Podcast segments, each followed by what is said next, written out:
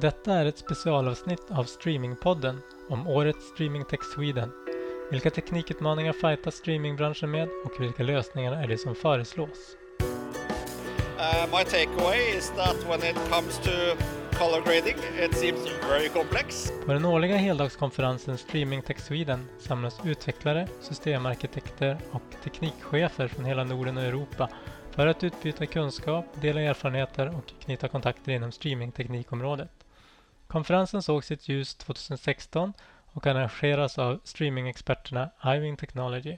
Sedan starten har talare från bland annat Google, Youtube och Netflix gästat scenen tillsammans med talare från svenska företag som TV4, Sveriges Television och Ericsson.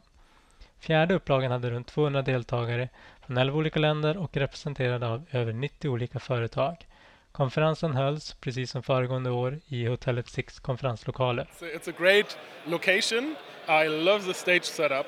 The sound, uh, the video quality of the, of the screen in the background, it's amazing. Great show.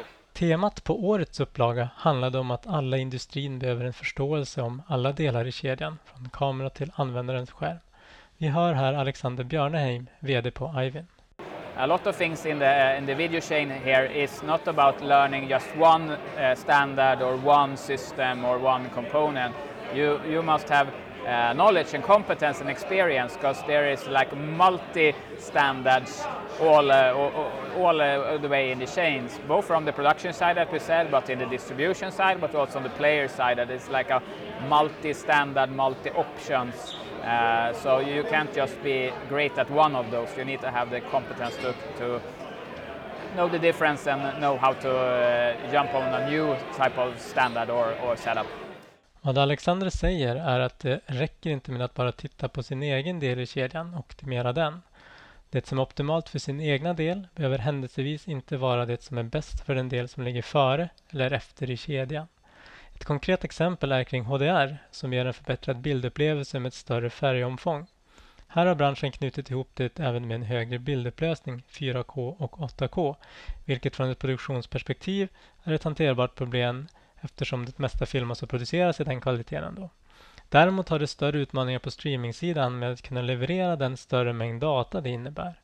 Den stora utmaningen som produktionsbranschen har är att det behöver producera flera versioner för alla olika typer av tv-skärmar som finns.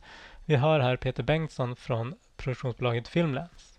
The amount of output and uh, the different emotional sides of these outputs uh, depending on uh, the output device transformed. Um, for instance, how the image look when you look at it at a, a 4K 1000 nits or you look at it in HD um, and with 110 nits. There's a huge difference in between there. And the difficulty there, what we're looking at with HLG, where they have 25 candelas instead of 10 candelas, is that we're going to have a shift in gamma and a perception of the image. That is going to be huge, huge, huge, huge, huge. Nits är en benämning på hur ljusstark en skärm är och en utmaning är att med ett större färgomfång så kan det som ser bra ut på en skärm se helt annorlunda ut på en annan skärm. Eller framförallt inte så som kreatören hade tänkt sig det.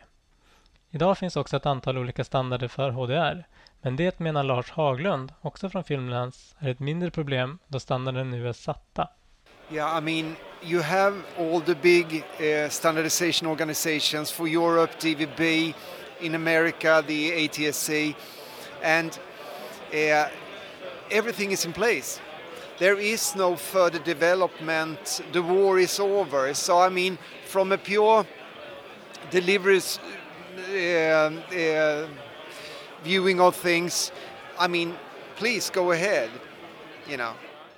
Problemet som streamingsidan istället behöver tampas med är att det finns fler än en standard hos tv-tillverkarna. Vilket betyder att för HDR-innehåll behöver streamingtjänsten tillhandahålla flera uppsättningar av varianter. Vilket innebär ökade kostnader för videokodning och lagring. För vanlig tv-sändning så är utmaningen att det finns ett begränsat frekvensutrymme och för att gå över till HDR-sändningar behövs antingen nya kanaler och frekvenser alternativt använda en bakåtkompatibel HDR-standard. Vilket ger en ytterligare dimension på svårigheten att bevara kreatörens intention.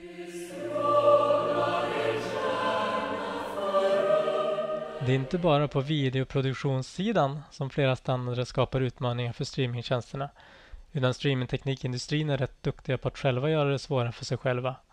Ett återkommande ämne inom streaming handlar om den fördröjning från när något utspelar sig till när det väl dyker upp på konsumentens skärm. En fördröjning inom streaming som oftast ligger upp till en halv minut efter en vanlig tv-utsändning. Det har adresserats och exempelvis tjänsten Twitch har bidragit till en av standarderna för hur detta kan lösas. Fram till i vår fanns det då två standarder för detta, varav en som standardiseringsorganet MPEG låg bakom och det andra som däribland Twitch och Twitter varit med och utvecklat. I vår, när då Apple lanserade sin egna standard, så stod då branschen helt plötsligt med tre varianter som behöver hanteras. Actually, I organized the first meeting back in August of this year after Denver's Mile High Video. It was just a smaller group, 20 people or so, but we got Apple to come out and participate because they've always been uh, by themselves and the, they haven't been uh, a large part of the community. Uh, but they were very, uh, following the success of that meeting, we decided to organize a second one following the Demuxed conference. And then Apple said, hey, we'll host it at, at our new Apple Park. And in the end, we had 44 people come, and it's the largest outside meeting that's ever been held inside Apple Park, which was quite interesting. That took place October 25th, and it was very positive. All the minutes are online, so I'm being very open about this. Nothing secret was discussed. And uh, we looked at LLHLS, we looked at some of the issues that I talked about in the talk today. Apple acknowledged them, and they're, they're really working towards a solution. Apple's trying to make something that's relevant and useful in the industry and sets a base for HLS going forward. And I, there, was, there was good feedback and very positive feedback from the community. And one of the action items from that call is myself and some other people are working towards establishing some type of industry group around HLS. There's a lot of talking to be done about what is the best structure. So it's not going to happen this month or next, but I think over the next six months we'll see something arise that will enable community participation in HLS development going forward. Det positiva som Will Law från Akamai nämner här är att Apple ändå är öppna för samarbete och de två möten som hittills hållits har varit produktiva och anteckningar från mötet finns tillgängligt för alla. Ett av sakerna som diskuterades var att formalisera ett gemensamt standardiseringsorgan för detta. Yes, this is the first time in Nordics. Yeah, Sweden. Yeah. En av fördelarna med att flytta videoberäkningskapaciteten till molnet är flexibiliteten med att bara behöva betala för den tid som nyttjas. Navid Mareddy från Netflix beskrev under sitt föredrag hela sin infrastruktur för video i molnet.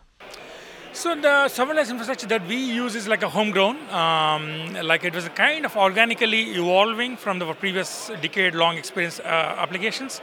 So we, the goal was like if you look look at it like inside out is like uh, try to abstract common things from the feedback from the users. They are like, don't ask me to do this. Like if you're good, do that, and just give me an API. As we did more, more, and more of that, we arrived at this uh, serverless platform. Now, if you look at other serverless platforms from like Lambda or Google Cloud Functions, Google Cloud Run, Azure Functions, but uh, we do have some other challenges. Means, but we have our homegrown system to support our Netflix ecosystem connectivity for the functions, and then different challenges like resource requirements, long run times. So more customer flexibility with orchestrating the functions with our own custom rules workflow engine. Den infrastruktur Navin varit med och byggt upp har främst utvecklats organiskt med syftet att abstrahera vanliga funktioner genom att tillhandahålla deras egna utvecklare med API kring videoberäkning och videoflöden. Mikael Rosson från Signality beskrev vad som krävs för att i realtid kunna bildanalysera två stycken livefeeder från exempelvis en fotbollsarena och man med maskininlärning kan ta fram olika typer av statistik och insikter. För att få upp videosignalen till molnet behöver signalen transporteras på ett tillförlitligt sätt. Och hur detta går till och hur tekniken utvecklats berättade Mark Symontkowski från High Vision om. Uh, yeah, I was talking about the journey of cloud uh, contribution. How do you get data from on-prem into the cloud? How do you distribute it? Uh, covering where we came from, uh, like RTMP for the for the streamers and uh, RTP plus FAC for the broadcasters, and now both worlds transitioning to ARQ-based protocols, which is basically packet retransmission, and uh, showing how that evolved and how we can take it forward by putting it onto dedicated fiber links across the planet. Pontus Hellgren från Discovery beskrev i sitt föredrag deras resa att bygga en streamingtjänst från grunden, något som man idag förstås också kan ifrågasätta. Yeah, and I also think that I mean listening to uh, Pontus Helgren from Discovery was extremely interesting, and the questions afterwards when we were discussing is the fact that that is also competing on technology because he's building his own world. And you had this guy coming from Tele2 who was like asking, why are you building your own world when you could buy somebody else's platform and so on? And, and then he said, then I asked him, you know, what about BAMTech? And so he told, so the idea was originally that they were going to buy a technology, but then it turned out that BAMTech was not possible because ownership changes and, you know, you're stuck with somebody, you're waiting in line for that platform's development. Uh, so it's so such a complex world, but sometimes I just wish that everybody would just go on a common platform and then all the production companies would have something to do. Märta Rydbeck från Switch Media här berättar att idén var ursprungligen att använda sig av Bamtex plattform som Eurosport då använde sig av. Men då ägandeskapet av Bamtech förändrades så förändrades förutsättningarna också. Dagen avslutades med ett föredrag av Will Law från Akamai som bjöd på 16 handfasta tips om förbättringar som kan göras på videospelarsidan. Men arbetet för att arrangera årets konferens var inte helt utan problem. Vi hör här Magnus Svensson från Ime Technology som huvudansvarig för innehållet berätta. Ja, i söndags kväll innan eventet så fick jag besked från T.Y. Huang från Netflix att eh, hon hade cyklat i kull och råkat ut för en olycka som gjorde att hon inte kunde resa. Hon var tvungen att återhämta sig och hade mer eller mindre fått flygförbud. Så att där stod vi utan våran eh, stackars tjej från Netflix så att eh, det gjorde att jag var tvungen att bara titta i min eh, bag of tricks och hittade till slut att vi fick Willow att, att köra ett extra nummer med Three Roads to Jerusalem. Men det var synd och vi hoppas att, att TY kommer tillbaka till nästa år istället. Under dagen fick deltagarna följa flödet med start från inspelningsplats och produktion via molnbaserade videoflöden, nya videokomprimeringsstandarder, realtidsinsättning av reklam i strömmen, utveckling för smarta tv-apparater och för att till sist landa vid videouppspelning. Alla föredrag spelades in och kommer finnas tillgängliga på streamingtjänsten StreamingTech TV+. What's your main takeaway from today? My main takeaway is probably what Magnus concluded that the business will keep being fragmented. Yes, both in players, streaming protocols, codecs. So there will be business for us all I think in the future. Yeah. Ni har lyssnat på Streamingpodden. En podcast för dig som är intresserad av streamingteknik och nyheter i området. Programmet produceras av Ivin Technology, leverantörsoberoende specialister inom videoteknik och mediedistribution.